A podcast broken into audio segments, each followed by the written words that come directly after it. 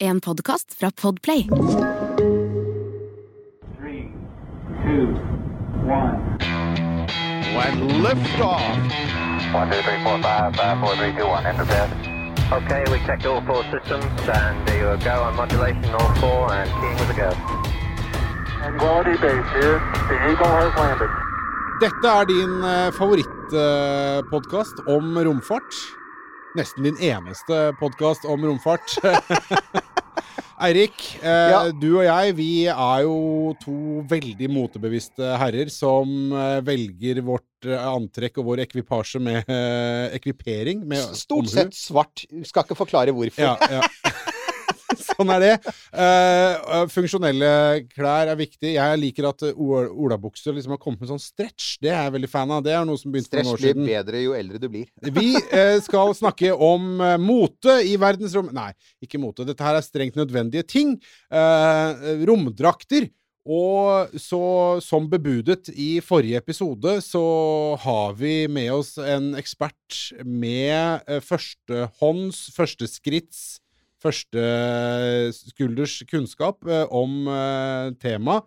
Eh, over fra forrige episode. Den første nordmannen in space. Eh, hei igjen, Nima. Hei, hei. God dag, god dag. Full oversikt over eh, romdraktenes eh, gjøren og laden og, og utfordringene med det. For dette her er jo ting som man ikke får på Dressmann. Nei, altså, her er jo greia. Vi, det var jo det, vi skjønte jo når vi hadde den forrige praten med deg, som vi for øvrig kan anbefale, men vi regner jo med at du har hørt den.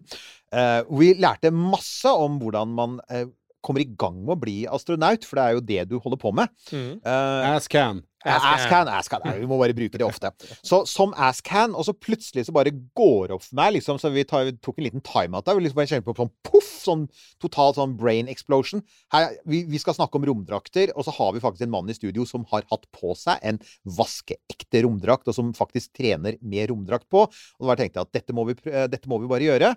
Eh, og, og grunnen er jo selvfølgelig også at vi i denne podkasten så Vi driver jo folkeopplysning, Nima, som du jo veit. Det vet jeg. Mm. Og, og vi prøver å liksom gå litt sånn systematisk gjennom. Så vi har, altså, vi har snakket om redningssystemer for romfart. Vi skal snakke mer om mineralutvinning på månen om noen, om noen uker. Altså, vi tar opp alle disse tingene som hører rundt romfarten, og som romfarten selv ikke nødvendigvis er så flink til å fortelle om. Og vi kommer jo ikke forbi at altså, romdrakter, det er en sånn er, er det én ting, da, bortsett fra romkapsler og romferjer, er det én ting som sier romfart, så er det jo romdrakter. Det er definitivt romdrakter. Jeg tror romdrakter har et sånn uh, ikonisk utseende. Som jeg mener det er nesten blitt sånn merkevare i seg selv. Ja, Sånn ikke sant? Du er designer, ikke sant? Ja, Så, så jeg antar at du også da Altså, det, altså romdrakter har jo et formspråk. Og romdrakter har jo historisk sett så har det Altså, de, de nedstammer jo mye fra sånne trykkdrakter som ble brukt i fly på 50-tallet. Ja. Uh, og, og jeg veit jo at det har vært en svær diskusjon i, i NASA blant annet om dette her med Altså, hvordan bør romdrakter se ut? Altså, OK, eh, de er hvite fordi de skal reflektere lys i verdensrommet, det er Ja. nå én ting. Og flight suits, eller sånn du bruker under oppskyting, har ofte hatt en farge som gjør deg lett å finne hvis du må skyte deg ut. Absolutt. Ikke sant? Sånn oransje var vel romferja, hadde det en Romferja hadde oransje. ikke sant? Mm. Oransje. Eh, Da men- de begynte å bruke flightdrakter, ja, det er jo en ting da, som mange ikke var klar over. Og det er jo at eh, amerikanerne var jo lenge etter russerne med faktisk på å bruke romdrakter om bord i eh, romskipet. Ja, de fløy med T-skjorte første årene. de gjorde det. Ja. Og så Og hjelm. Det er helt sant. Ja, det er sant, det. Ja. Og så fikk, vi, fikk vi Challenger, og så var det sånn Å ja, det kan jo gå galt med dette Kanskje det er lurt å ha romdrakter. Kanskje det er lurt. Men altså, NASA er jo i ferd med å bygge neste generasjons romdrakt. ikke sant? Ja. XEMU, som den heter. Uh, og, og jeg har sett at amerikanske medier har vært ganske opphengt i dette med at den koster altså De, de, de legger noe sånn som 1,3 milliarder dollar på bordet. Den er allerede forsinket. Uh, Som med alt annet. Ja, og, og vi har jo hatt en sending om Artemis hvor vi snakker om at Artemis også er forsinket. Og en av forsinkelsesfaktorene er jo faktisk romdrakten, for den skulle ha egentlig vært begynt å bli testet ganske snart. Den største faktoren er romdrakten. Og den største Ja. faktoren er for, for at du kommer deg jo ikke til månen uten romdrakt. Nei, du gjør ikke det. Uh, og det er klart at uh, Artemis XMU er eh, Vet alle hva XEMU står for i det Nei, la, la oss ta det med en gang. Ja. Altså, at, eh, det, det, altså, de har en drakt nå som heter EMU, har de ikke det? Jo, EMU står for Extravehicular Mobility Unit. Det vil si extravehicular, eh, Utafor fartøy? utenfor fartøy. -hmm. eh, mobility, mobilitetsenhet. Unnskyld at jeg får men mobility, Jeg får tenke Ja, litt ja. grann, eh, rullator her. Rullatorer, Eller sånn disse her mobility scooter. Sånn som amerikanere først og fremst bruker til å Ja. handle på Walmart, som vi har lært på YouTube. Når man kjører rundt i kjøpesentrene på størrelse med små byer. Ja. Men, eh, Du men ja. snakker om menneskene som kjører menneskene. i Ja, nemlig. Så, så, så, så, så i utgangspunktet så har da USA alltid hatt EMU-en. Ja. EMU-en er jo, har jo vært en, det har vært sånn evolusjon siden måneferden. Ja. Um, og den romdrakta EMU-en som brukes i dag på ISS, den amerikanske versjonen, eh, eh, det er jo teknisk sett den samme som man brukte på månen, Mm. med masse masse modifikasjoner, men den, det er samme avstamning. Da. Det er en iterasjon på den man hadde da. Mm. Det er veldig viktig å merke seg at det, det har ikke blitt utvikla masse masse nye typer romdrakter, men den, de har iterert på igjen. Så XEMUN, som, som utvikles til Artemis Artemis er da det, det, det prosjektet der man skal tilbake til månen med en, en bærekraftig tilstedeværelse. Eh, det er en helt ny drakt. Helt ny drakt utvikla Starta fra scratch. Starta totalt fra scratch. Ja. Helt annen designfilosofi. Helt annen bruksfilosofi. Og det, det, er litt, det er litt bra du peker på det, for det er lett å la seg lure. For jeg har også hatt ja. altså når jeg har begynt å altså det, Her gikk vi nesten i fella, Nils Johan, for jeg gjør jo en research her. og og, og altså Navnet får deg til å tenke at ah, ok, det er nok en for at, at det er lange utviklingslinjer i dette her, og at Ja. begge land har liksom sånn tradisjoner å slekte på. Men det du sier, er altså at det er ny det, det, design, designtankegang. Men først må bare si altså det vi har i dag, da, vi må tenke på hva en romdrakt skal gjøre. Skal vi liksom bare gå gjennom det? For det er lett å glemme at ok, romdrakt skal selvfølgelig sørge for oksygen. Det skal sørge for at ikke du kveles i verdensrommet. Men en romdrakt er jo mye mer enn det, ikke sant? Det er, en romdrakt er masse, masse mer enn det. Så hvis vi ser på romdrakter, og da snakker vi om ikke de romdraktene man flyr med akkurat nå, men de romdraktene man gjør en spacewalk med. Ikke sant? med, De, Ikke sant? de virkelig kule, og det er Ja. det XMU skal være. Helt riktig. Den store bamsen, eh, mobility uniten. Så per nå så har man to land som produserer disse her. Det er USA, som har sin EMU, eh, Extra Vehicular Mobility Unit, Mm. og så har man den russiske, som var sovjeterne som utvikla, som er da Orland-drakta. Kineserne er, romvandrer jo de også. De bruker russisk, gjør de De bruker russisk, de Akkurat. bruker Orland. Okay. Så de kjøper Ah. Orland. Ja, okay. det, er, det er ikke så veldig mange andre Spacewalk-drakter enn de to. Nei. Men de her har blitt iterert masse på. Så den Orland man har nå, den heter MC. Orland MC, som står for Orland M Computer. Som er den nyeste versjonen. Det er den jeg har trent i. Nå, de siste ukene som har vært, har jeg trent i den med computer. Som, som er digitale systemer og en digital skjerm på brystet man faktisk ser. Modellen før det, det var en helt analog maskin. Men det som er veldig viktig å forstå, er at man snakker om drakt. Og det er ikke rart man ser Man må forstå hva det her egentlig er. ikke sant? Det er jo ikke en drakt. Det er et, det er et fartøy. Ja, er det Det ikke er et lite romskip. Det er et lite Ja, romskip, og det forklarer jo delvis også hvorfor- det blir så dyrt. Hvis du tenker på det som et miniromskip som faktisk skal bevege seg rundt på månen og Mars, da, så blir 1,3 milliarder dollar i utviklingskostnader ingenting. For Ingenting. vi snakker gjerne tidobbelte for et romskip. Helt riktig. Og så, så, så det, man, kaller, man sier at det er sånn biomorphic eh, romskip. Altså et romskip som er forma som et menneske. Det er sånn man må se på det. Fordi når man ser i popkultur og i film folk som bare slenger på seg den der litt sånn fluffy, deilige, myke greia med en sånn svær, rund hjelm, er ikke helt virkeligheten. Romdrakta er jo hard. Mm. Det, det er en hard torso. Altså overdelen er jo hard. Det er jo Man kan liksom nokke på den. Ja. Det er lagd i aluminium. Det er ett stykke.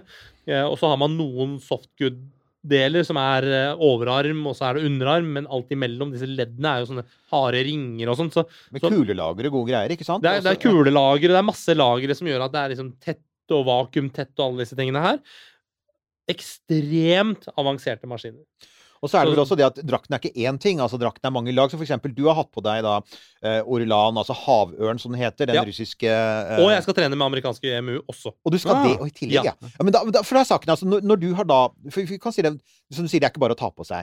For er det ikke sånn at det er mange lag i en romdrakt? Så for eksempel når du skal ha på deg Hvis man skal på en spacewalk i Orlan, Ja. hva starter man med da? Da kan jeg forklare dere hva man starter med. Eh, Det innerste laget den har jeg liggende hjemme. Og, og jeg fikk den, og det er ikke vanlig for astronautkandidater, altså ass-cans, å få den, men jeg har faktisk fått min.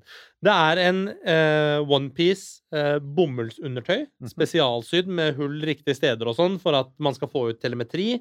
Man har jo masse sensorer på kroppen som skal kobles til drakta.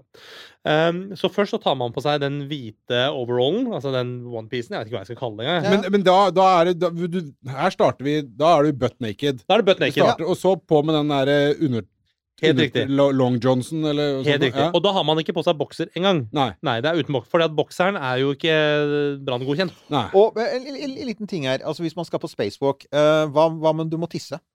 Da har man på seg bleie. Så er det bleia, er bleia før onepiecen? Bleia er innerst. Eh, Ja. Jeg hadde på meg bleie da jeg eh, var i basseng.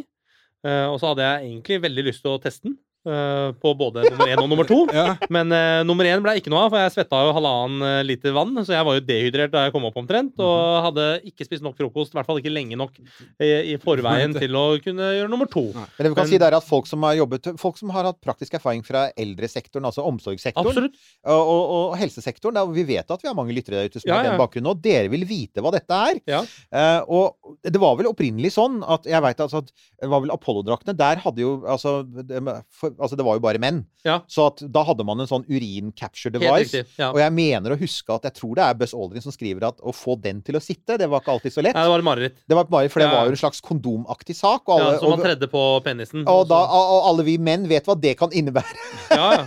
det, hva, hvor mye komplikasjoner det kan føre til. Det er masse komplikasjoner, og, og jeg, jeg syns det er litt kult at vi går litt sånn inn i de intime detaljene, for det viser litt at dette er et verktøy. Dette er ikke et komfortplagg. Altså, vi snakker ikke tiss og bæsj i studio her fordi at det er gøy å snakke, det er gøy å snakke om tiss og bæsj, men det er ikke derfor vi gjør det nå. Det er for å si at når man er i en sånn romdrakt, så er man for å gjøre Det er litt sånn eh, da Grete Rode bæsja Grete Waitz. Grete Waitz, mener jeg. Bæsja mens hun var ute og løp. Ja. Ikke sant? Fordi at i den konteksten så spiller det ikke noen rolle. Da gjør man det man må gjøre for så- å fungere. Da. Det er akkurat det. Og, og, og dette handler jo også, som du er inne på, om at um, romvandringer varer veldig lenge. Altså Mm. Opp mot åtte timer. opp mot åtte timer, ikke sant? Uh, og, og det er jo ikke sånn igjen at du kan ikke bare løpe inn og altså skynde deg inn og gå på do, fordi det er en kjempeprosess. Vi er jo så vidt i gang. Ja, ja, ja. Så da fortsetter vi. Når du da har Så du har tatt på deg bleia, du har tatt på deg onepiecen, og så er det Hva er neste? Og neste er eh, den blå termiske drakta. Ah. Og den er eh, Det ser ut som en smurf. Jeg skal, se, jeg skal gi dere noen bilder, jeg, så dere Ja. kan legge ut på Instagrammen deres. Ja, veldig bra. Av meg i den.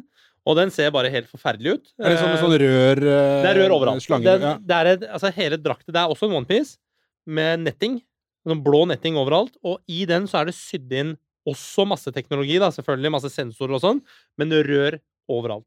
Hensikten med den er å kjøle eller varme astronauten eh, i en spacewalk. Og da styrer man hva slags vann det er. Det er litt som vannbåren varme hjemme. Og her er jo en ting da man tenker veldig ofte at oi, verdensrommet er iskaldt, så det er da ikke et problem å måtte kjøle seg ned. Men ah, du har ikke allerede sagt riktig. det, nemlig. Ja. For da, og, det er, og det har litt med fysikk å gjøre, det er faktisk termoseffekten. Mm. Altså, For du er i vakuum. Så i praksis er hele utsiden av romdrakten er som en eneste svær termos. Og, og det vil si at det er ikke noen, det er ikke noen måte å transportere hvis, du- hvis du senker deg ned i vann, da, så, så kjenner du med en gang at vannet transporterer varme bort fra kroppen din hvis vannet er kaldt. Men hvis du er i et vakuum som er kaldt, så er det bare strålingsvarme. Helt riktig. Så hovedproblemet blir altså faktisk varme. Ja. Og, og, så det er både Du svetter mye, og da antar jeg at den termiske drakten skal kjøle deg ned. Frakter da den også vekk den, altså, For det blir jo fukt, ikke sant? Ja, og det er, det er det bomullstrøya er til. Og da, da kan diskuteres om bomull eller ull er best, eller om man skulle gått for noe annet teknisk. Det, det har ikke jeg valgt. Jeg har valgt å ikke diskutere med russerne. Men, men, men De har litt funnet- erfaring, da. Ja, litt erfaring er det. Men det skal sies at det, det er veldig viktig å presisere. Jeg er en person som faktisk svetter veldig lite.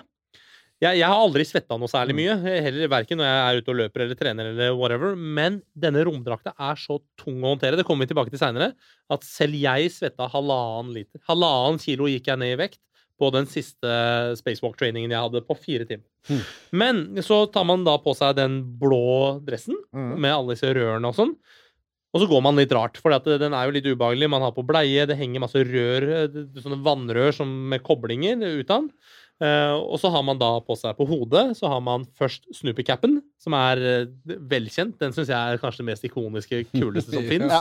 Med kommunikasjonshetta og Ja, for det er den hvite som sitter tett i hodet. Ja, den eh, russiske Eller- er brun. Er Der, der, der, der må jeg bare få lov til å spørre designeren i deg. Ja. Det må være mulig å lage noe som ser bitte litt kulere ut enn den. ja, veit du hva? Jeg er helt nesten, nesten enig med deg. Men det jeg har hørt, da det, For det leste jeg var at i, i, i XEMU så sier NASA at målet er å fjerne den. Ja, Og en av bare snakke i drakta. Og bare snakke i drakta. Og, og grunnen til at man har det, handler litt om 60-tallsteknologi å gjøre. Og det er at du skulle sikre deg at alle lyder ble fanget opp, og at, at du også altså, i, et, I et, et miljø med blant annet med vifter som Mm. går, for at du har jo en maskin på ryggen som pumper, så skulle du høre beskjed fra bakken. Og det de sier, er at de regner med at med en head-up display i hjelmen, og med ordentlige mikrofoner og ordentlig hodetell Altså ordentlig så, så vil du kunne slippe den, fordi at mange astronauter klager på at de blir så svette av den. De blir, man blir veldig svett av den, og så klør den litt. Og når du ikke har mulighet til å klø deg på hodet Ikke altså, sant? Å oh, ja, det har jeg også tenkt Ja, ja. på. Å gud, det var Det er helt forferdelig. Så, så det har jeg erfart selv, ikke sant. Um, men så har man i hvert fall på seg denne Snoopy-capen. Rent designmessig så Altså, let's be honest. Den ser jo helt dust ut. Ja. Men jeg syns den er kul fordi at den er så utrolig Ikonisk! klassisk. Ja, Ja, ja. Dette er romhistorie. Dette er Gagarin. Og det skal det. sies, alle som flyr, får en helt egen skreddersydd. Så, Ja. så jeg håper jeg en dag får min egne skreddersydde, men nå Ja. brukte jeg en treningsversjon. Og under den så har man temp-måler som er en sånn ring man kobler rundt øret, og så det er masse ting hele tiden. Og så drar man da hetta til den blå drakta med rør i. Mhm. Den har også en hette med rør som går på hodet. Den drar man oppå der igjen. Da ser man ekstra dust ut. Ja, ja. Men Det er, jeg, det er, her er det så mange trinn på veien for å kle på seg alt dette her, hvor man virkelig ikke føler seg som en space hero. tenker jeg. Nei, altså du, man, Starter med den bleia, altså, okay, Man ser i hvert fall ikke ut som en space hero når man har tatt på seg det her og driver og trasker rundt i gangen og på vei til romdrakta. Nei. Det har jeg noen videoer av. Og det er noen av de videoene jeg kommer til å poste, men med humor. Ja, ja, ja, Det er sånn meme-videoer. Vi gleder oss til å se. Ja, ja. Og så er det jo tynne, deilige bomullssokker, og så er det bomullshansker. Det må man også ha. Fordi at hendene blir helt kjørt av å være i en sånn drakt. Så da har man det som er da av de to lagene som man har på seg før man i det hele tatt krabber inn i romdrakta. Og før man gjør det igjen, så kobles da Da setter man seg inn i en skinnstol, eller en, ja, en behagelig stol. Så skal man lukke øya og senke pulsen helt. Og så blir man kobla til telemetri. Det er før man går inn i selve romdrakta. Mm. Og der sitter man en eh, halvtime, times tid og blir monitorert og målt, og da er man liksom klar til å krabbe inn i den drakta som er ikonisk, som vi kjenner, da. Da ser man litt kulere ut. Ja, det, det, da hjelper det Ja, veldig på. da hjelper det på. Men, men det er altså eh, Folkens, eh, hør eh, Hvis du ikke har gjort det allerede, hør forrige episode, for der eh, lager du noen fine lyder, Nima, når, når som du sier, at du, krabb, du krabber inn i drakta, og så stenges den bak deg. Altså, Ja, for her, her, her kommer til Og her er det et viktig designforskjell Ja. på, eh, på eh, Orlan og på EMU, som amerikanerne bruker, og som ESA-astronauter bruker. Eh, og det, Vi kan komme tilbake til hva EMU gjør, men, men altså Orlan, du sier du krabber inn i drakta. Er det, eh, jeg har sett bilder av det. Det ser ut som det er et sånn lokk på baksida. Det er lokk på baksiden. Men jeg må bare presisere en ting. ESA-astronauter bruker også innimellom Orlan. De gjør det. Så, ja, Mathias Maurer skal på en Han som er på, på ISS nå, tysk astronaut, ESA-astronaut, han skal gjøre en spacewalk nå. Jeg lurer på om det er denne uka her, jeg. OK, kult. Ja, jeg husker ikke helt, men det er i hvert fall nå veldig snart i en Orland. Ja. Bare så det er sagt. Men, men de fleste ESA-astronauter har brukt EMU, så har rett i det. altså. Okay. Men det her kommer den fundamentale forskjellen Mm. på designfilosofi. Eh, jeg har snakka med NASA-astronauter, jeg har snakka med russiske eh, altså Roskosmos-kosmonauter, og begge er enige om at begge draktene har fordeler og ulemper. Mm. Så, så de liker hverandres ting, og det er visse ting med sine egne drakter de også misliker. Men den grunnleggende designfilosofiforskjellen på disse draktene er at Orlan er en onepiece. Mm. Bortsett fra hanskene. Hanskene kan kobles av, men i verdensrommet når man tar den på seg, så kobler man først på hanskene. Så hanskene prøver man å ha på hele tiden, men, men man kobler av på hanskene, for de må være helt riktig størrelse. Eh, og så kan man justere størrelsen noe på armlengde og beinlengde og skritt og litt sånne ting. Noen justeringer kan man gjøre på den, men, men, men hovedsakelig så er det, det er en onepiece. Og så se, se for dere altså, en romdrakt med den der svære ryggsekken som er da life support system, Mm. som man har bak ryggen. Den åpner seg som et lokk med hengsel på Orland-drakta, eh, og så setter man seg på rumpa, på kanten av det lokket. Det lokket er, jeg tipper, kanskje 60 cm høyt og 45 cm bredt. Ikke en halvmeter bredt, men kanskje 45. Ganske liten luke. Altså, de som kjenner meg, vet at jeg er en rimelig stor mann. Altså, jeg veier jo nærmere 100 kilo og, og har breie skuldre. Så, så da setter jeg meg med den der blå smurfedrakta på kanten, og så dingler jeg føttene ned i låra på drakta. Mhm. Klarer dere å ja, imagine ja, ja, hva jeg forklarer? ja, er det. Ja. Og så, mens jeg sitter her, så kobler jeg først på headsetet mitt i drakta. Sørger for at uh, vi gjør en calm check. Og jeg vil helst ha på den før jeg går inn i drakta. Og så kobler jeg på de to vannrørene, som er vann inn og vann ut, for å få kjøligheten i den blå drakta med masse rør på. Og da går rørene opp til life support, ikke sant? For er, det, Helt bak der sitter liksom pumpene og Der sitter pumpene og varmtvannstank og kaldtvannstank og alle disse tingene sitter der. Mm. Og det er vann i systemet. Mm. Og så kobler jeg på medisinsk telemetri. Og så får jeg en reading fra legen at ok, nå kan vi se hjerterytme og puls og O2-opptak og alt liksom telemetrien din. Den har vi tilgang på nå. Da er jeg good. Og der begynner marerittene, nemlig. Fordi hvis man har et snev av klaustrofobi, OK, I'm out! ja, ja. Så er det bare å glemme i det hele tatt å tenke tanken.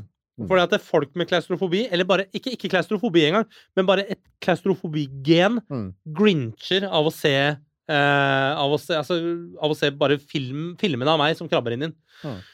For det man gjør, nemlig, er å først Min teknikk, da, det er først inn med venstrehånda. Litt sånn skeivt. Mm. Ikke sant?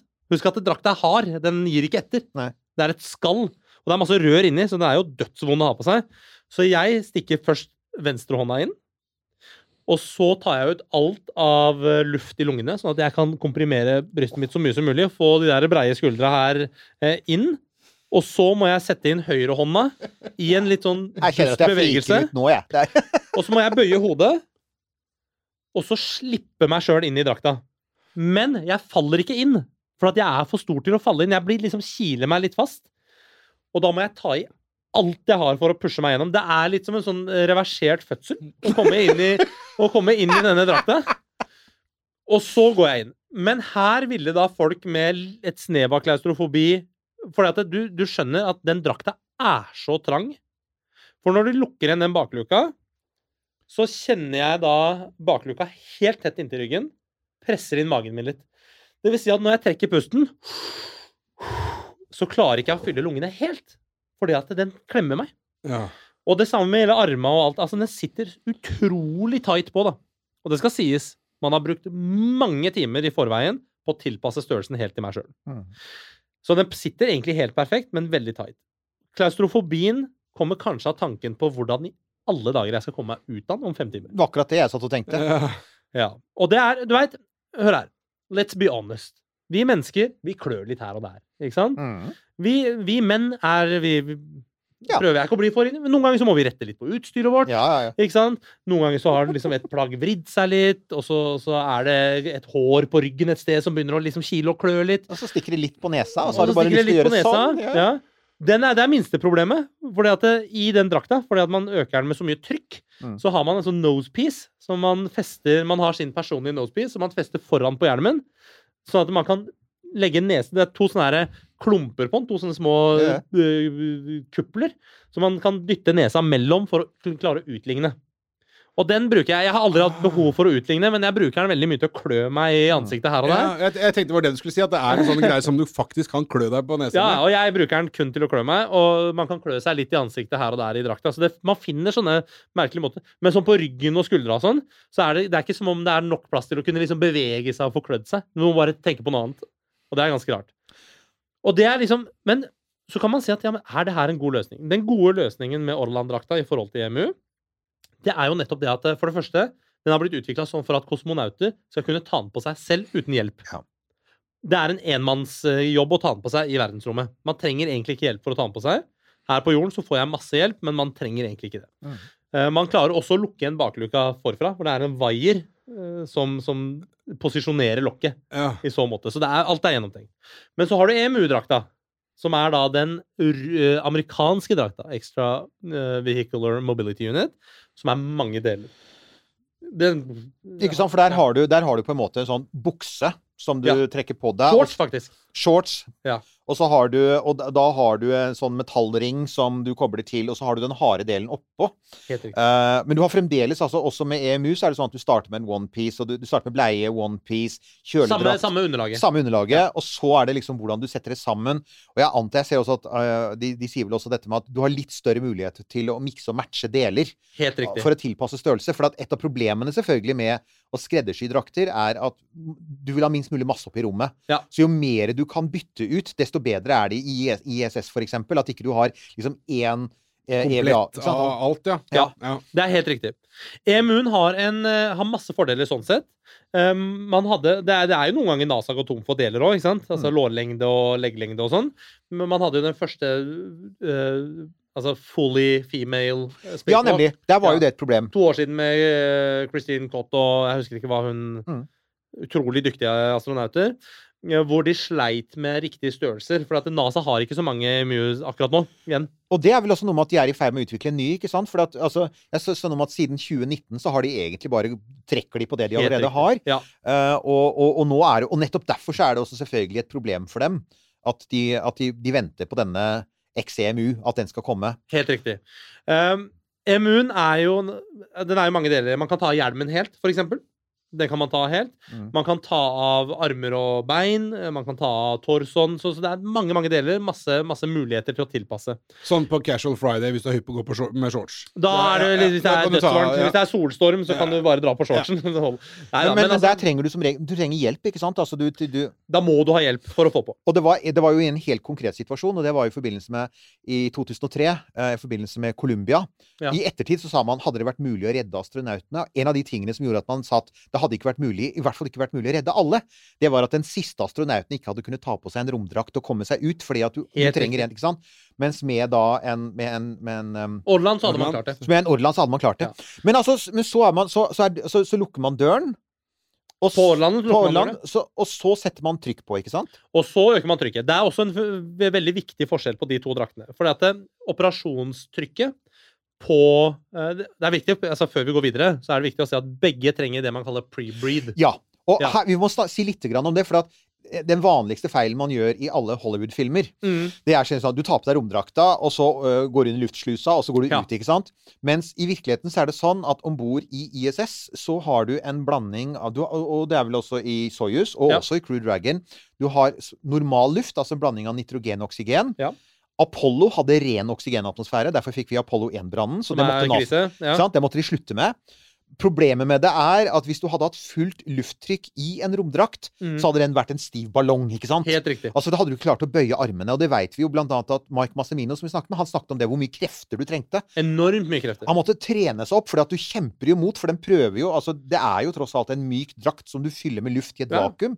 Så du vil ha lavest mulig trykk. Mm. Og da er det greit å droppe nitrogenet, men dropper du nitrogenet, da kan du få dykkersyke, er det ikke det Da det heter? kan du få dykkersyke. Nitrogenbobler i blodet, så du må altså da pre-breathe, som du Da sier. må du pre-breathe. Og amerikanske immun, eh, protokollen for den er én time pre-breed. Okay. Da, da, da puster man ren oksygen i en time. Russisk sikkerhetsprotokoll sier en halvtime er mer enn nok, så det er mindre pre-breed. Så da må man gjøre det. Men så, så går man inn i den, og der er det også en forskjell, for at operasjonstrykket på de to draktene er forskjellig. Orland ligger på 5,8 PSI, eller 5,9, jeg husker ikke helt. Uh, EMUN ligger på 4,8 eller 4,9. Altså én PSI mindre. Og for å sammenligne det, jeg tror det er ca. en tredjedel av trykket på jordoverflaten er vel sånt. eh, EMU. Så det er så ca. tre ganger Så en ca. en tredjedel av det du vil, som vi opplever når vi sitter i rommet her, er det man da har i draktene. For man har droppa nitrogen, og det er rent oksygen. Helt riktig. Men, og det høres ikke så veldig mye ut. Men se for dere en ballong forma som en romdrakt. Mm. Når du ikke har blåst den opp, så henger armene ned. Ikke sant? Da er den myk og fin, og du kan håndtere den. Mm. Men så fort du blåser den opp, og øker trykket inn, da har jo armene lyst til å bare stå ut som en sånn bamsemums. Bah, ikke sant? Ja, ja. Og det, og det er en ting jeg også har lest om at Apollo-astronautene altså Jo da, de Mm. går på en rar måte på månen fordi at det er en sjettedels gravitasjon, men det er bare halve historien. Den Mm. andre grunnen er at de, disse draktene var mye mer ballong. For igjen, det var jo den første versjonen. Man, jo, man måtte jo utvikle den for månen. Og det var langt færre harde deler og langt færre roterende deler. Mm. Så, så det betydde at de var faktisk De måtte virkelig slåss hardt. Ordentlig. De, og, og hadde da ikke engang hjelp av gravitasjonen, fordi de var så lette. Ja, ja. Så, Og det er så- helt riktig det du sier der. Ja. Um, og og, det, det er ganske interessant, for nå har jeg opplevd å jobbe med Orland flere ganger. ikke sant? Hver gang man plukker opp et verktøy Eller hvis du ser på, hvis du ser på YouTube-filmer av folk på ISS som driver og krabber rundt på disse leiderne Hver eneste gang man skal ta tak i en sånn, så er det som å klemme ned på en tennisball. Det er som å ha en tennisball i hånda. og, Så hardt er det. altså. Ikke sant? Og dette med hansker. For at, altså, en romdrakt skal jo liksom eh, Det skal jo gjøre alt dette. Holde deg jevn temperatur, gi deg oksygen. Mm. Og så er den jo Den skal jo la deg jobbe. Absolutt. Og det er jo, vi har jo sett disse bildene av spacewalks. Det er jo kompliserte ting de gjør. altså. De Veldig bruker jo, de bruker, de skifter ut ledninger, de monterer solcellepaneler. Mm. Uh, og de vrir på mutteret. Vi vet jo igjen, Mike Massimino skulle jo fjerne masse skruer som egentlig ikke engang var konstruert for å fjernes på bakken. ja, ja. Så han måtte jo ha et spesialredskap. Det er helt grusomt. Og, altså, jeg, jeg, tror ikke, jeg tror ikke det er mulig å skjønne hvor heftig det er å jobbe i en sånn drakt før man har opplevd det. Altså. Det er helt utrolig. Men så Det er i hvert fall trykkforskjellen i de draktene. Så det sies at den amerikanske er, er mykere å jobbe i fordi den er 1 PSI. Men en fun fact om den amerikanske versus den russiske. Og det er at den russiske er betydelig enklere å vedlikeholde og mekke på. For den blei utvikla for å mekke på in space. Men husk, EMU-en ble utvikla for en måneferd, så i utgangspunktet ble EMU-en utvikla for å bare brukes noen få dager. Og den ble utvikla for å være en kombinasjon av flightsuit For at Apollo-astronautene fløy jo med EMU-en, De gjorde det. i tillegg til spacewalken. De hadde ikke to forskjellige drakter. Veldig viktig å merke seg det. Og da hadde man den boblehjelmen. Ja, ja, ja, Men den boblehjelmen er jo også den de gjorde spacewalk med. For hvis du ser på når de fløy, så hadde de den der, Det er en sånn glasskuppel de har på hodet, Mm. som ikke er glass. Det er, det er eh, altså polymer, det er plastmateriale, som er uknuselig. Vi, vi kan også drepe den myten. Så når du ser på filmer og sånn astronauthjelmer som knuser Ja, ja. Astronauthjelmer kan ikke knuse. De kan rippes opp, men de kan ikke knuse. Skam dere, Hollywood. Ja, men de, de fløy da opp med sånn glasskuppel på hodet, eller sånn gjennomsiktig plastkuppel. Men det er, det er den samme som de bruker på spacewalk. Så den spacewalk-hjelmen er ikke en egen hjelm. Det er en sånn beskyttelse man legger utapå der igjen. Ah. Ja, Det er veldig viktig, for det er mange lag. Og da har man dette gullvisir og Ja, sånn. det, det- det er UV-stråling, ikke sant? For at I rommet så finnes det jo ikke noe ozonlag. Eh, så da kan man veldig fort bli veldig solbrent. Så ja. Ja, rimelig, rimelig greit solbrent. Men um, den ble da utvikla i utgangspunktet for å bare bruke si, si en uke. da, ikke sant? Mm. Og fly opp til månen, gå på månen i to-tre dager, og så hjem igjen to-tre dager, i det meste, beste fall. ikke sant? De første gikk jo bare noen timer. Eh, Buzz Aldrin Og, det, og det, en av de tingene man oppdaget jo der, var jo akkurat dette med at månen er et ekstremt hardt, hardt miljø. Og at, at alt dette månestøvet som la seg Som overalt. ikke sant? overalt, ja. Og, og, og hvor det ikke er noe vind, ikke noe vann, så de var ikke slipte. Så dette var sånne små glass og metallsplinter. Mm. og det er jo her- Skarpe metallsplinter. Skarpe metallsplinter. Og Harrison Schmidt forteller jo at på slutten av Apollo 17-ferden så var jo han redd for at eh, disse, disse støvet skulle ete seg gjennom ro- romdrakten. Så man vet jo man har, Så NASA har hele tiden visst at den teknologien de hadde på 60-tallet, som ble til EMU, Ja. at du må ta det til et nytt nivå. Fordi det de tenker seg med Artemis, det er jo ikke at du skal være der ute noen timer. Det de tenker seg er at du skal Og på Mars Nei, nei. Dette, fremtidens romdrakt skal jo brukes i hundrevis av ganger Ja, ja, absolutt. om igjen og om igjen og om igjen og om igjen. Og du skal Mm. slippe å måtte bygge en ny romdrakt hver gang det kommer noe støv inn i noen gjenger, ikke sant? Ja, og, og så når du er inne på det, så, så er det en annen fun fact også. Uh, på akkurat det temaet du, du snakker om der. Dette med det å bruke om og om, og om igjen. ikke sant? Emun blei ikke særlig utvikla fordi at neste skritt etter Apollo var jo shuttle. Mhm. Det vil si at Emun blei med Alle shuttle missions hadde ikke med seg en EMU engang. Det skal sies at alle shuttle missions har ikke hatt uh, deployering av, av en spacewalk. Men de som hadde det, da blei den med shuttle, og så var den i verdensrommet i åtte dager. Og så var det hjem igjen på jorden. Så at alt vedlikeholdsarbeidet blei jo gjort på jorden. Mm. Den blei ikke gjort i verdensrommet. Mhm. Så EMU-en er veldig veldig vanskelig å skru og mekke på i verdensrommet.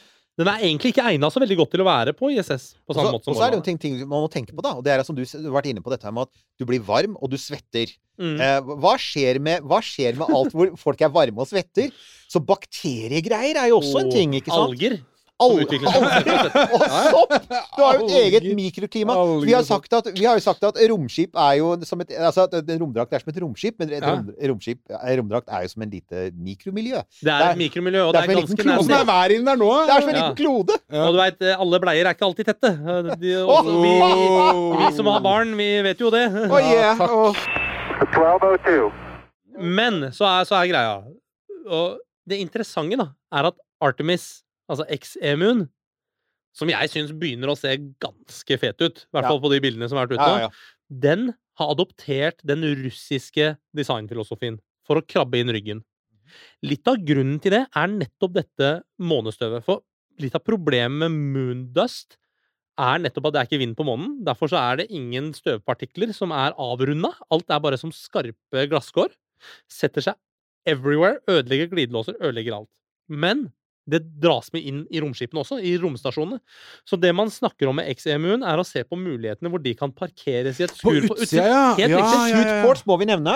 Det, og hvis ikke vi hadde gjort det, så hadde kommentator, kommentarfeltet kokt. Ja, kan jeg bare for Nå har jeg sittet og brent inne med dette her for en stund, en stund fordi jeg eh, husker for lenge siden Så det, de har jo holdt på med dette her utviklingsarbeidet en stund. Eh, og har sett eh, en sånn eksperimentell eh, prototyp av noe rover-prosjekt som har kjørt rundt eh, på en eller annen base i USA. Ja. Eh, med disse draktene hengende bakpå, hvor Ja. man krabber inn og ut av dette fartøyet gjennom den drakta. Ja. Og, og det ser så kult ut på film, men nå har vi hørt fra Ja, ja. her hvordan det egentlig er. Du får et totalt Klaus-anfall, men bortsett fra det Men ja, på, for at det, det slo meg plutselig at selvfølgelig um, Suitport er egentlig videreutvikling av Orland-konseptet. Helt klart. Uh, og, og, og, du, og det man ser for, Bare for å si det til lytterne, da ser man altså for seg at romdrakten er festa på utsiden av en base eller et kjøretøy. Uh, og, og festepunktet er ryggsekken, Ja. life support-greia, og du kan da krype inn. Og så klikker du igjen, og da må du ha kobla deg til, som du har snakket om. Yes. At du må ha tatt på deg kjøledrakten og alt det der på forhånd. Men fordelen med det er at du slipper dette med å gå inn i en luftsluse Ja. full av støv som du må på månen. Hvordan fjerner du støvet? Jeg, jeg var på en, um, en sånn konferanse for noen år siden hvor jeg, det var en rom, eh, romdraktdesigner som snakket om det. At det har vært så mye diskusjoner om hva man skal gjøre med støv på månen og Mars. Mm. Skal man, ha, skal man bruke trykkluft? Skal man bruke magnetisme? Skal man bruke et vannbad? De har til og med NASA har til og med vurdert at, altså at astronauter skulle da ta med romdrakten på, gå ned i et slags kjemikaliebad for å, For fjerne, rense, ja. for å Ja. rense støvet. fordi at de veit at det siste du vil ha, er disse her partiklene inn i luftanlegget. Ikke sant? Hvor de kan begynne å komme inn og ødelegge vifter, kortslutte elektrisitet, for mye av det er Ja. metallisk, og ikke minst få det i lungene, og få det i blodet. Ikke sant? Så, så suitports, altså. Man glemmer ofte hva eh, Jeg hørte også en sammenligning, da, for man vet jo at noe av det støvet som er på månen, eh, er litt som gipsstøv. Altså når det blir vått, Mm. så blir det litt sånn leirete, Mm. og så herder det igjen. Hva skjer hvis du puster inn gipsstøv? Se Mm. folk som driver med keramikk, for eksempel. Mm. Man glemmer jo hvor farlig det greiene er, egentlig. Hva skjer med gipsstøv når det kommer inn i lungene? Jo, Mm. det blir til en sånn støpt masse, ikke sant? Ja. Som, som, man ønsker å unngå det. Og det fins noen bilder av Apollo-ferdene. Eh, spesielt, jeg lurer på om det er Apollo 16 og 17 og sånn, Ja. hvor det er noen bilder fra innsiden av, av Lunarlanderen etter at de har vært på en spacewalk. Mm. Som det ser ut som de har vært i en kullgruve. Ikke sant? Og Og det da, er ikke helt sunt, da. det er ikke sunt. Og hvis du da også tenker i tillegg at, at dette støvet etter hvert la seg overalt, og at mye av støvet altså en del, Mye av støvet er altså silikater, altså det er, det er, det er stein, Ja, ja. men en del av det er også metall. Mm. Og da snakker vi om metall som kommer inn i elektronikk. Og da kan du Det er veldig lett å altså, Veldig fort så har du igjen kortslutning i en ren oksygenatmosfære. Så ja. Bare Skjønner dere, altså? Space is hard. Space Ja. is beinhard. Det er det, men samtidig da, så tenker jeg at det som er, så, det som er kult her, og som er morsomt med, eh, med XEMU, da, Ja. er selvfølgelig at når NASA snakker om dette her, med at de har liksom tenkt å, å kline De har selvfølgelig tenkt å gå sånn all in. Bruke alt det siste av teknologi, som vi har vært inne på. Hjelmen skal redesignes. Den får head-up display. Du skal kunne ha stemmestyring. Kanskje vi da faktisk får en sånn Siri-greie, som du kan bare Ja, ja. Eh, Du skal slippe Snoopy-capen. Uh, og som du også er inne på, altså du skal ha mer avanserte 3D-printede deler. For de bruker allerede, jeg leste at de bruker allerede 3D-printing til å designe hanskene. Altså at Ja, du skanner hånda til hver astronaut, og ut fra det så, så lager du en 3D-printet modell av hånda, og så Får en perfekt størrelse. For å få en perfekt Ja. størrelse, og da får du liksom både den innerste blæra, det som skal holde på lufta, og så får du tøystykkene over, og Mm. alt dette her. La meg Eh, fortelle en historie om det med hansken. Ja. For at det der gikk jeg på en skikkelig smell første gangen jeg krabba inn i en sånn drakt. Da skulle jeg ha tørrtrening i en av simulatorene i, i Star City. Og så hadde jeg da hatt kurs. Jeg hadde hatt masse teori og lest og pugga og alle disse tingene her. Eh, Kunne den drakta ganske godt inn og ut. Men det er én ting jeg ikke tok på alvor, og det er at den endrer litt størrelse når du øker trykket. Så jeg hadde ikke justert uh, Det her sa jeg ikke til de, nå er jeg helt sikker på at de hører på, men jeg hadde tennisalbu. Sånn at det- høyrearmen min var dødsvond den dagen. Ordentlig vond. Jeg sa det ikke, for da hadde jeg blitt tatt av treningen. Men jeg tenkte det her skal jeg bite tenna sammen og holde ut. Men det jeg gjorde feil, det var at jeg justerte ikke lengden på venstrearmen min godt nok, og hansken min var i tillegg bitte litt for liten. For jeg var så ivrig på å komme i gang. Mm. Og det er jo første gangen jeg skulle inn i en eh, romdrakt. altså. Så det endte med i den øvelsen da, at eh, høyrearmen som hadde litt tennisalbue, den funka jo veldig dårlig. Venstrearmen funka ikke i det hele tatt. For så fort eh, man økte trykket, så fikk jeg den derre eh, låseringen som er på håndleddet. Den gikk litt lenger ned på hånda, så jeg kunne ikke bøye håndleddet. Bare en centimeter, ikke sant? Mm. Pluss at hansken var litt for liten. Og da klarte jeg ikke å bøye fingra. Så det vil si, det du snakker om der med 3D-printing av hansker for å få perfekt størrelse Altså, man må skjønne her at en millimeter feil størrelse, eller feil justering av romdrakta, så funker du ikke i den. Du klarer Altså, jeg, jeg hadde Jeg jo, måtte gjennomføre den øvelsen med én dårlig arm. Det var min første, mitt første Og etter det så tok jeg det veldig på alvor. da. Ja, ja, ja. Igjen, space is hard. Space is Eh, hard. man skjønner hvor men, men, men du sier det du har sagt nevnt det flere ganger nå, justere størrelsen. Altså, du kan du Du kan på Altså, denne Orlan-drakta Mm. er, kommer da som en, en sånn one size fits all, men med justeringsmuligheter. Helt riktig. Ja. For at der, for at, mens NASA har vært veldig opptatt av eh, og altså Alle Apollo-draktene var skreddersydde, men de har også skjønt at det kan du ikke ha i fremtiden. Nei, det Så- er for dyrt. Det er for dyrt, Ja. så de, de har, og, og det blir, blir for mye masse å transportere. Mm. Og nettopp derfor så skal altså XEMU skal da tydeligvis være komponentbasert. Yes. Eh, og at du skal kunne bygge du skal altså, altså Hanskene er det allerede. Eh, og at du da skal kunne tilpasse drakter da til ulike størrelser astronauter. Og da er de jo selvfølgelig veldig opptatt av å få med seg hele spekteret. For fra kortvokste kvinner til veldig, til veldig storvokste menn, til høye menn. Ja, ja. Og, og det, er en, det er en voldsom kroppsforskjell. Det kan være sånn 50-60-70 forskjell i masse. For. Massevis. Ja, Så, så her er det jo veldig store, store forskjeller. Men, så, men så er det jo tilbake til det der som kanskje er det mest interessante her, som er XEMU, og sikkert også de fremtidige russiske slash kinesiske, for de skal jo til månen sammen, Mm. draktene må funke på en grunnleggende annen måte i den forstand at de Altså, her Altså, månen skal bli en arbeidsplass. Det skal bli en byggeplass. Mars skal også bli det. Du skal bygge en koloni der. Med andre ord, folk skal stå opp om morgenen, de skal kunne ta det på seg, de skal kunne Ja. gå på jobben. Og man kan ikke ha en times pre-breathing hver gang man skal ut og skru på en mutter på månen. Nei, så kan kan du heller ikke ha tennisball i hånda for Nei, nei, at nei. du skal gripe. du Så- helt- Så, ikke sant? så en av, derfor har man snakket mye om sånn exoskeletons, altså at, uh, Yes. uh, at man skal få litt hjelp til å Men, men også uh, Her var en sånn ting som, som du sikkert også kan si noe mer om, og det er dette med at Jeg har aldri tenkt på det. En av grunnene til at du aldri ser Apollo-astronautene f.eks. knele på månen for å, hvis de skal sette seg Mm. ned for å gjøre noe nær bakken, men alltid har disse lange De har sånne, sånne klyper som de liksom må bøye seg og plukke. De kan ikke gå ned på kne. Det er hvis du, hvis du går ned på kne, så får du en knekk i det beinet.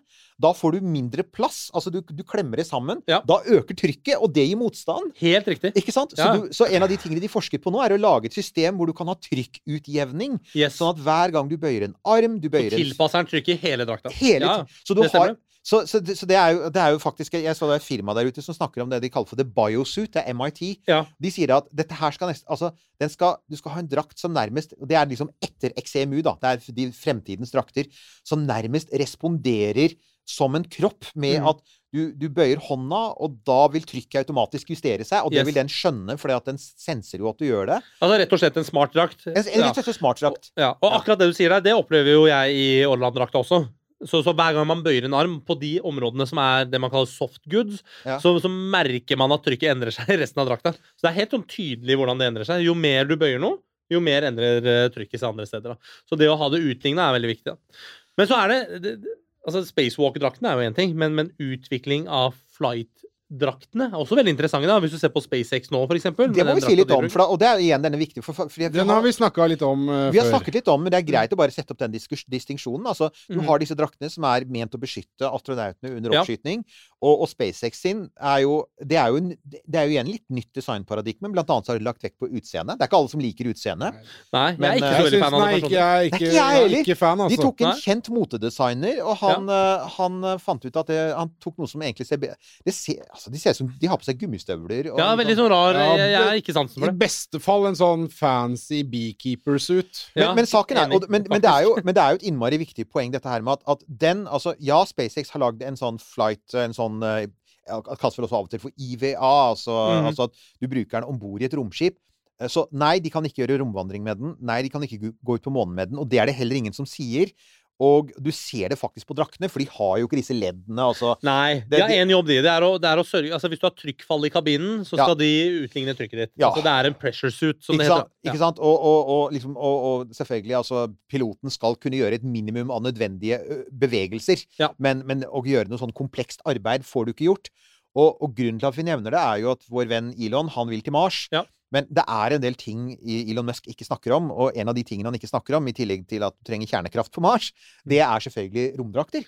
Ja. Uh, og, og der kan vi si at det er et veldig godt eksempel på at Elon Musk trenger NASA vel så mye som NASA trenger Elon Musk. fordi han veit at altså, SpaceX har ikke kompetansen og erfaringen som NASA og Roskosmos har. Ja. Med sånn 40-50-60 år erfaring med high altitude flights og alt dette her. Uh, og, og de kan ikke begynne å designe fra scratch. Så det er jo noe med at det som hvis vi en dag tenker oss at det blir en koloni på Mars, så kan det godt hende at raketten er fra SpaceX, men romdraktene er antagelig noe som er en derivat fra altså, noe NASA-aktig, noe NASA har betalt for. Noe Mer sannsynlig. Ikke sant? Og Roskosmos, og Ja. ikke minst kineserne, som nå er, Mm. går all in på dette. Ja, ja, ja. Jeg er helt enig, og, og det er jo den veien det går, ikke sant. Um, det er klart at det, selv om disse man, man trenger disse flightsuitene, de man flyr med. Uh, vi er jo enige om at vi som sitter her i studio, er i hvert fall enige om at den eh, SpaceX-en ikke er like fett. Noen syns den er dritkul. Mm. Eh, Ser for lite funksjonell ut. Ikke sant? Mm. Det syns jeg òg. Personlig så syns jeg den kuleste flightsuiten er den oransje Space Shuttle-drakta. Ah, ja, ja. Den syns jeg er amazing. Men også Mercury-drakten. Den gamle sølvfarga. sølvfarga den også- ja, og det er jo, men, altså, med svarte boots. med svarte boots, og det er jo totalt kaldkrigsvibbiser. Og det er ikke så rart, for at dette er jo De nedstammer direkte fra U2-flight-suiten og etter hvert SR-71. Og ja, dere der ute SR-71 hadde den i gul etter hvert. Ja. ja. Ikke sant? Og, og det, det er flere der ute som sier dere må gjøre noe på Blackbird. Altså, den er litt for lavt nede, folkens. Vi liker det som er Ja. over 100 km. Ja, Ja, men nei, vi liker jo altså, Vi elsker jo Blackbird, hallo. Oxcar, eller hva Ja, ja, ja, Blackbird ja, er kjempegøy. Ja, Oxcar er ja, ja, jo. å, å, fantastisk. Ja, det er. Altså, det kan godt hende vi skal gjøre en egen sending på det, men, men uansett, altså, det, er jo der, altså, det er jo derfra romdraktene kommer. Eh, og, og det er jo et designparadigme der som, Ja. som, som man bare vi, Altså, vi som alltid har fulgt med på romfartshistorie Igjen, den derre Altså, se sånn uh, John Glenn vandre av Ja. gårde med sølvfarget drakt. Hallo! Det er jo amazing. Men jeg har nemlig prøvd å sitte i en Soyuz-simulator og gjort leak check på Sokol-drakt. Som da er flightsuiten til, til russerne. Russerne. Ja. Eller ja, til russerne, men, men det er life support-systemet til Soyuz-kapselen. ja, det er det, ja. Det er sånn man egentlig må se på det. Uh, og jeg har også jeg har feila stort på en leak check, hvor eh, jeg fikk vite at eh, i simulator da, Husk at det her er simulert alt sammen. Men man tar simuleringen veldig veldig på alvor. Jeg fikk beskjed om at ok, nå har vi flydd, nå er vi i verdensrommet. Da hadde vi nådd verdensrommet. Simulert. Altså det er 8,5 minutt. Nå er vi utenfor atmosfæren og vektløse, men vi har trykkfall i kabinen. Hva gjør vi? Jo, vi gjør en leak check. Da lukker man hjelmen, man tar på seg hansken. Man sitter utrolig vondt i den. Og det ser jo helt teit ut når man går i den, for den er jo lagd for å sitte helt sånn krum inn. Um, og, så, og så hadde jeg ikke tatt på hansken riktig. Det vil si at da jeg gjorde leak check, så ville ikke uh, trykket i drakta mi øke. Så man må være ganske nøye på den drakta òg, men jeg kan bare si med en gang at den, det trykket som er i den drakta, er også ganske massivt. og Mm. Utrolig vondt. For at knær og alt vil jo bare poppe ut. ikke sant? Oh, ja, ja, ja, ja. Ja, kjempevondt. Men jeg kan jo avsløre en ting til. Ja. Og det er at i mitt prosjekt nå, og i kraft av samtalen vår som, eh, om romdrakter, så kommer jeg til å launche eh, veldig snart noe som jeg kaller Student eh, Spacesuit Challenge. Hvor jeg skal invitere studenter fra ulike typer fagfelt, ingeniører, designere, whatever det skal være, til å samlingsbasert, fra august og utover, et års tid, være med å utvikle konsepter for romdrakter. Og jeg sier ikke at vi skal utvikle en hel romdrakt, for amerikanerne bruker nå over, altså nærmere halvannen milliard dollar på utvikling av XMU. Sant? Så, så, og det er jo høyteknologisk å ta masse, masse, masse tid, og mange, mange år. Men det å utvikle ideer og konsepter for noe som kan adopteres i fremtiden, f.eks. av ESA eller whatever, er superkult å se hva studentene kommer opp med. Her kommer jeg til å tenke på våre gjester fra i fjor høst.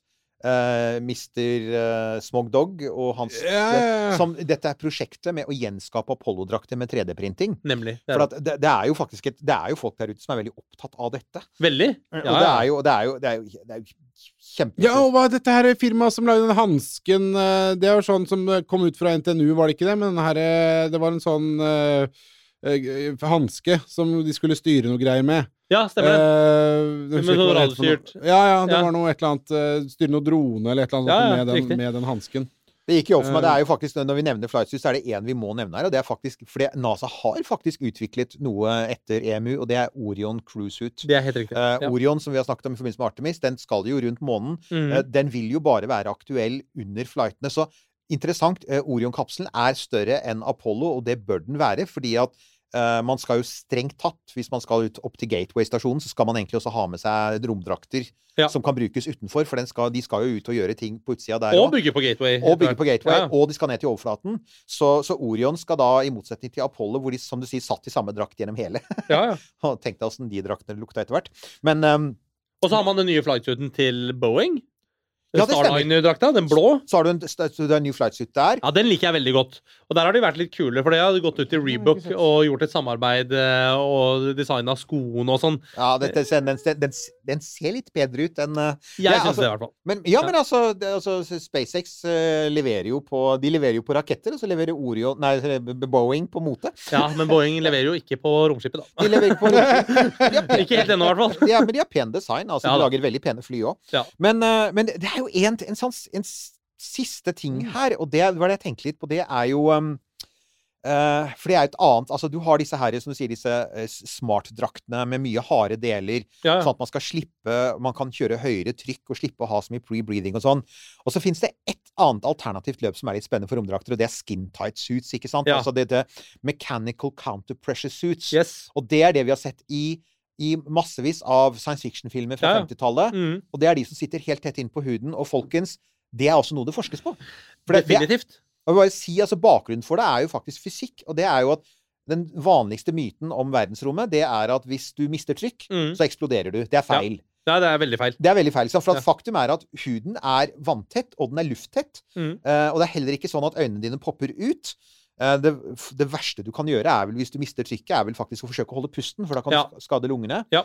Men du, har, du, kan, du kan faktisk overleve å være i rommet uten romdrakt i noen sekunder. Og disse, disse counterpressure, eller mottrykkdraktene, eller skin tight-draktene, baserer seg på at du skal bruke mekanisk trykk. Altså Mm. apropos uh, Klaus. Ja, snakk om Eh, ubehagelig, da. Uh, ja, de skal være supertette. Ja. Ja. Og de skal være så tette at du skal faktisk ikke engang ha noe undergarments. Så du skal ikke ha Du skal bruke naturlig svettekjøling, og jeg bare tenker åssen det skal gå. Men det forskes jo på det, da. Det forskes masse på det. Og hvis du ser på, hvis du ser på romdrakta i The Martian, for Ja. eksempel, så er det litt basert på de filosofiene der. Ikke sant? Ja. For at du ser jo det at Du, jeg bare kommer på øh, Så øh, du har selvfølgelig sett det, Eirik. Jeg vet ikke om du, Nima, har, øh, har sett Det er en, epi en av de siste episodene i Spoiler, spoiler, spoiler kommer nå! hvis du ikke har sett det. I um, For All Mankind. Ja. Der uh, teiper de jo seg inn med gaffateip. Jeg har ikke sett det, uh, men uh, hvilken sesong er det? Er det andre sesong. Sesong Ja, jeg har ikke sett ferdig og, andre og, Men jeg kan si at det lar seg jo gjøre. Men ja, ikke sant? La meg fortelle dere noe morsomt. Sikkerhetsprotokoll For en ting man gjør når man gjør spacewalks, da. Nå er vi tilbake på den der IMU-en eller Orland-drakta. Ja, ja. Ikke sant? Sånn hver halvtime så skal man stoppe opp, og så skal man gjøre, gi en statusrapport på hanskene. Og gjøre en leak-check på hanskene. Ja. Og den er visuell, og da skal man rapportere ned til ground control at hanskene mine de er fine, ikke noe skader. Og hanskene er jo det mest utsatte. Og det som er litt morsomt, er hvis du oppdager hull i drakta Veit dere hva sikkerhetsprotokollen er? Nei. Det er å holde på det med den andre hånda. Og det, og det her er helt sant. Så hvis du oppdager hull i drakta i armen for eksempel, eller hansken, så skal du liksom du skal holde trykk på det.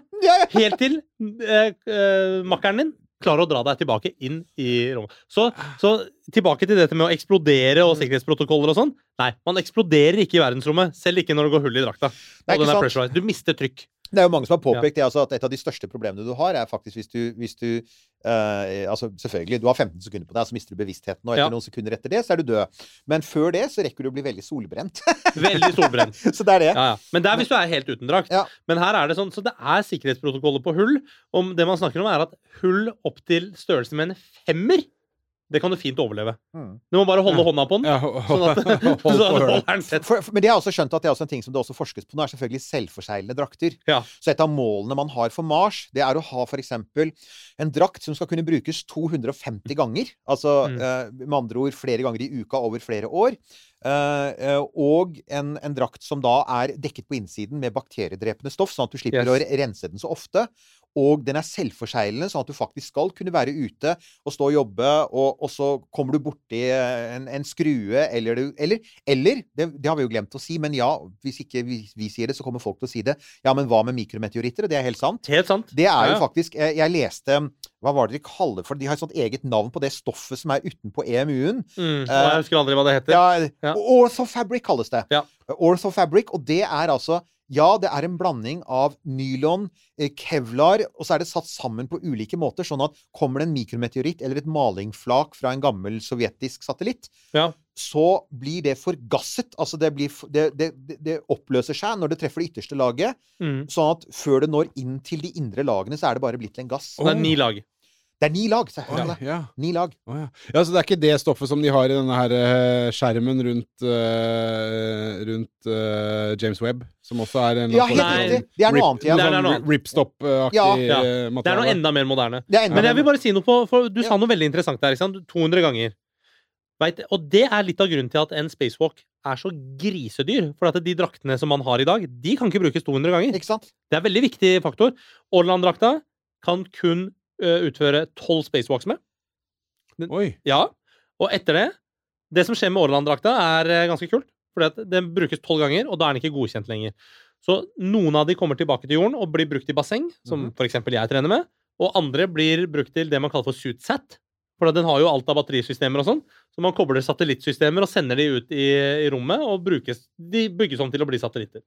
Wow. Og, og noen brukes til å brennes opp i atmosfæren. Um, så det er kanskje de mest creepy satellittene. Og om du, by the way, det er et av de sykeste de, hadde, vi, vi, har jo ikke hatt, vi burde egentlig ha en e- episode om syke romfartsideer. Amerikanerne hadde på 60-tallet et konsept om at i tilfelle varmeskjoldet f.eks. på en Gemini eller Apollo ble skadd, så skulle astronauten kunne gå ut, altså EVA, og så skulle han ta på seg en egen ryggsekk, og så skulle den blåses opp, og så skulle det bli til et individuelt Ja. varmeskjold Ja, ja. som var oppblåsbart. Og så skulle du bare sånn, ha en liten bremserakett, og så skulle du da fly gjennom atmosfæren og sitte på innsida. Liksom, hold, Inntil denne, og hold Og armene den jævligste livbåten ever! Men Ja. det, du, må, du må google og se bilder av det greiene der. For det er noen illustrasjoner er, av hvordan det er. Ja, ja, det er helt, det er, helt, det er Ja. Ikke sant? Det er sånn ja, ja. Nei, Ja, så, de hadde, men men det, romfart handler om å tørre å ha ville ideer, da. For det er jo en ja. ganske vill idé. idé- det fins faktisk en egen blogg med en tidligere NASA-ansatt som bare har de ville ideene. Som var, altså det, dette var ikke science fiction, det var jo NASA-ingeniører. ja, og, på og masse private selskaper som leverte inn anbud, og som hadde tenketanker. Som hadde sånne helt sånn crazy Ja, Det er mye morsomt. Oh, Og så er det eh, EMU-en har da levetid på 20 spacewalks. Så den tåler faktisk mer enn Orland-drakta. Og det, det jeg ser da, en av de tingene som de er litt opptatt av, er selvfølgelig av muligheten for hvis du gjør det modulært, så har du muligheten til altså du, du, du kan sette den sammen av ulike moduler. Så har du muligheten til å printe nye deler når det går i stykker. Eh, Du har muligheten for at jeg, jeg vil tippe at det er med romdrakter som med all annen teknologi. ikke sant? Altså at På en bil, for eksempel. Ja, ja. Det er jo ikke sånn at hele bilen går i stykker. Det er gjerne én ting som det er, det er slitasjedeler, og så er det deler som du faktisk fint kan la bli værende. Absolutt. Og eh, med en mer modulær approach så kan du si at ok, den biten der, den funker. Altså for eksempel denne harde torsoen, Ja. som, som også fremtidens romdrakter antagelig kommer mm. til å ha. Altså, Den er solid, så det er ikke sikkert den behøver å byttes ut. Men så har du kanskje elektronikken eller hanskene, eksempel. Helt riktig. Og, Ja. og ikke minst disse her um, leddene med kulelagre. Ja. Hvor det helt, altså, du helt sikkert kommer til å få inn noe altså støv og Ja, og de Jeg, jeg ser jo tydelig, da. Som designer, når jeg, når jeg ser disse romdraktene, så ser jeg i hvert fall de leddene. De kan redesignes til hakket bedre enn det de er. Altså. Ja, for at Det er litt sånn utdatert, syns jeg, da. Jo, men, men igjen så er det jo noe med selvfølgelig altså at eh, fordi man er så det, det, Altså, man har jo prøvd i romfarten mest mulig å gjøre overdesign. Mm. Fordi at du vil jo helst ha så mye Altså så gode sikkerhetsmarginer som mulig. For Ja. det ligger ting i romfarten som bare ikke eier sikkerhetsmarginer, som er selve rakettoppfarten. Den veit vi er grunnleggende livsfarlig. Men det er klart, når du først har dem der oppe, så vil du ha disse ni lagene, og du vil ha alle backup-systemene, og du vil jo sørge for Og da, da bruker du det trygge. Så det du ser, er veldig mye Du ser veldig mye sånne der gamle, kjente tanker. Ja. Altså igjen, russerne er eksperter på det. Soyuz er en fantastisk romfartøy på mange måter. Fordi Ja. Det har funka. Det har vært trygt nå siden 1971. Altså, mener, det, hva ellers i romfarten kan du si det om, liksom? Nei, det er veldig lite du kan si det om. ikke sant? Soyuz med sine hva er det, 1500-1600 oppskytninger gjennom Det historien. det er- to ulykker eller noe. Ikke sant? Det, det, bare, Ja. det bare ruller og går. Og Men igjen. jeg, jeg tror vi kan være enige om at det, liksom, til fremtidens romdrakt Jeg gleder meg veldig til å se XEMU, men det jeg gleder meg aller mest til i fremtiden, er å se hvordan russerne og amerikanerne og europeerne jobber sammen om å skape virkelig fremtidens romdrakt for f.eks. enda mer og enda tyngre arbeid på månen eller på Mars. Da. Det kommer til å for bli sinnssykt kult å se. Og, og også muligheten for å masseprodusere. For det er jo en sånn ting til vi må tenke på. er at Kostnad. Ja, for at nå snakker man Altså, jeg så at eh, altså, i, i, i XMU-prosjektet så handler altså Man sier ah, det er 1,3 milliarder eller 1,5 milliarder dollar for to romdrakter. Ja, men det er de to første som kan brukes på den første landingen, Mm. det. Men, men det er klart Meningen er jo at de skal masseproduseres, men vi får jo håpe at det blir med romdrakter, som det nå har begynt å bli med raketter, takket være SpaceX, Ja, ja. som er at ikke hver romdrakt blir så dyr. At romdrakter faktisk etter hvert blir noe du kan masseprodusere Mm. som får lang levetid, som du kan bytte ut deler på, sånn at du ikke bare kan sende to mennesker ut på månen, men at det etter hvert kanskje er hundrevis av folk som jobber på månen og på Mars. ikke sant? Altså at, for at det er noe med det med at hvis månen skal bli en byggeplass, og Mars skal bli en byggeplass, så veit vi at en byggeplass er full av folk. Og når vi sier masseproduksjon, så mener vi da ikke på en sånn sweatshop et eller annet sted i Taiwan. Nei, Nei, det gjør vi definitivt ikke. definitivt ikke. Det vil, jeg tror, jeg tror Når det gjelder space, så vil du nok alltid ha dette elementet med at alt skal være laget av de liksom sånn, tross alt de beste tilgjengelige materialene. Ja. Og, Og, og på riktig måte, og følge liksom, de riktige rutinene og testes på en skikkelig måte. Så, så det er en del ting. Altså, Romdrakter, selv 200 år inn i fremtiden, kommer aldri til å bli produsert på samme måte som vi produserer vanlige klær i dag. Det vil det aldri bli, fordi at man snakker om en helt annen sikkerhetsgreie. Men det å finne løsninger hvor man kan rulle ut de her uh, Se på Forsvaret, da. Forsvaret har nettopp lansert sitt nye uniformsystem, som de kaller det. Det kalles ikke klær lenger, det er et system. Et samarbeid med Norge og Danmark, ikke sant? Hvor, hvor alle soldater skal rustes med helt nye uniformsystemer. Og romdrakter må komme på litt det nivået der, hvor det fortsatt er ultra high-tech og fortsatt er ultrasafe og ultrasikkert, men Og her er en ting som, det er en ting som jeg tror nesten Jeg har knapt sett noen tenke på det i det hele tatt. Men i og med at vi nå har gått særlig når det gjelder Mars, da, at folk, og da særlig Elon Musk, da, hvis vi skal si folk, går i retning av kolonisering. ikke sant? Eh, Altså bosetninger, da, hvis vi skal bruke et mindre betent ord. Mhm. Bosetninger, eh, byer, ikke sant? Samfunn. Ja, et samfunn har alle typer mennesker. Et samfunn har f.eks. eldre mennesker. Ja. Hvis, vi skal, altså, hvis, hvis de skal kunne bevege seg ute, må du ha romdrakter som faktisk ikke er krever at du har overmenneskelig styrke. Men ikke minst, et samfunn, fungerende samfunn har barn. mm. Og hvis ikke de skal være totalt sånn innekatter, altså være innesperret hele livet, altså Ja. hele oppveksten sin, så må de også ha muligheten f.eks. til å gå ut på Mars. Og da tenker jeg, der har du en challenge der. Å lage en romdrakt som fungerer. Med barnesikker, ja. Barnesikker! Altså, ja, tenk deg oi, det, oi. da. Og gi, altså, jeg skjønner kanskje at de aller minste vil antagelig bli trillet rundt i en boble. Ja. Men eh, sånn, en lite egg. Men, på Men, en litt sånn stroll på Mars. ja, men, men, altså, men det er jo altså, det er noe med de tankene vi har nå, da. Ja, ja. Altså, og de tankene de matcher ikke alltid den virkeligheten som du beskriver her, som er romdrakter er, som du sier, space is hard, kjempekompliserte, det er trykk, det er vanskelig å bruke, Mm. du, får, du får klaustrofobisk anfall av dem, alle disse tingene her. Og samtidig så tenker vi å ja, men vi skal ha et samfunn der folk lever, og hvor folk går rundt og sånn. Jo, men da må vi tenke tanken fullt ut og si det betyr jo at vi kanskje da skal ha romdrakter for geriatrikere, og det betyr at vi faktisk skal ha for ti år gamle barn, om ikke femåringer, så kanskje et ti år gammelt barn skal få lov til å oppleve overflaten på Mars. Mm. Men da, Og venne seg til den. og venne seg til Ja. den, og venne seg til å leve der og jobbe der ute, Mm. sånn som de fleste kommer til å gjøre der oppe. Og da må du faktisk ha en romdrakt som igjen er ikke krever at du har ja, Og, og det her høres jo ultra science fiction ut. Det høres ut som Det gjør det 200 år Men, de, men, men det Men er altså, Elon vil, dette, ja, Elon vil ha dette om en generasjon, han. Altså, han sier ikke neste år. De der eh, mennesker til Mars i 2026, det skjer jo ikke. Nei, det skjer ikke. Men, men, men jeg tror helt fint at det innen 20 år så er jeg helt sikker på at vi er på Mars. Ja, med Ja, en tilstedeværelse. Men, ikke sant? Med en base. Ja. Og, innen, og innen 50 år så har vi antagelig et samfunn der. Og da må vi tenke på de tingene. ikke sant? Absolutt. Det er ganske interessant å følge med på. Åh, ja, det blir kjempespennende. Åh, men Men eh, romdrakter er kult. ja! Folkens, jeg håper Skjønner dere hva vi mener? Det er kult, og vi har jo hatt verdens mest entusiastiske romdraktbruker! ja. Uh, og du har allerede lovet å komme tilbake til, på besøk til oss, eh, Nima, så jeg, Jeg tror vi bare når sier det. Det er en stor ære å få lov til å være her. Ja, men det, er, det er jo bare så utrolig kult å ha en Du har hatt på deg en Du har hatt på deg en Orlan! Og nå har jeg lært meg forskjellen. Sokol er den du har oppe i romskipet.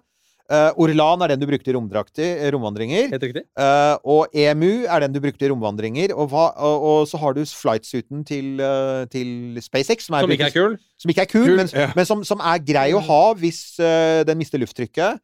Helt riktig. Og så har du Boeing sin, som er kulere. ja, den er kul. Jeg måtte google opp bildet her. Den er kul. Den er dritkul. Boeing sin er kul. Ja, er kul. Så, så bare, bare gjør det, folkens, så skal vi eventuelt forsøke å legge ut noen bilder. Hvis ikke, så bare google sånn Boeing IVA eller Flightsuit eller altså Ja, Gjør kult.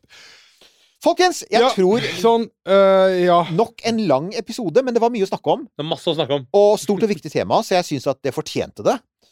Så da er det bare som vanlig. Vi er på de vanlige stedene i sosiale medier. Facebook, Insta, Twitter. Heter Romkapsel overalt. Legg inn kommentarer, legg inn spørsmål. Eh, som dere skjønner, Nima kommer tilbake, så da kan dere bare spare opp noen spørsmål.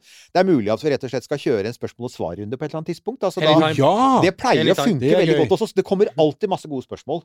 Så Jeg det stiller kan opp når som helst. Deilig. Romkapsel.no. Der uh, er vi. Eh, Der får du tak i merch. uh, Vips uh, romkapsel. Knut og Halvorsen. Uh, det var de ti ordene jeg fikk glemt inn i løpet av denne episoden nok en gang. Eh, takk, kjære lytter, for at du henger med. Ja, og så må jeg si at du skal Er du er vel på vei tilbake til Russland om ikke Jeg drar om ikke mange uker tilbake. Jeg er ikke helt sikker på nøyaktig hvilken dato, men snart drar jeg tilbake. Til Star City. Til Star City. Herregud, folkens. Star City. Da er du unnskyldt at du svarer seint på Takk. meldinger. Jeg kommer alltid til å beklage det.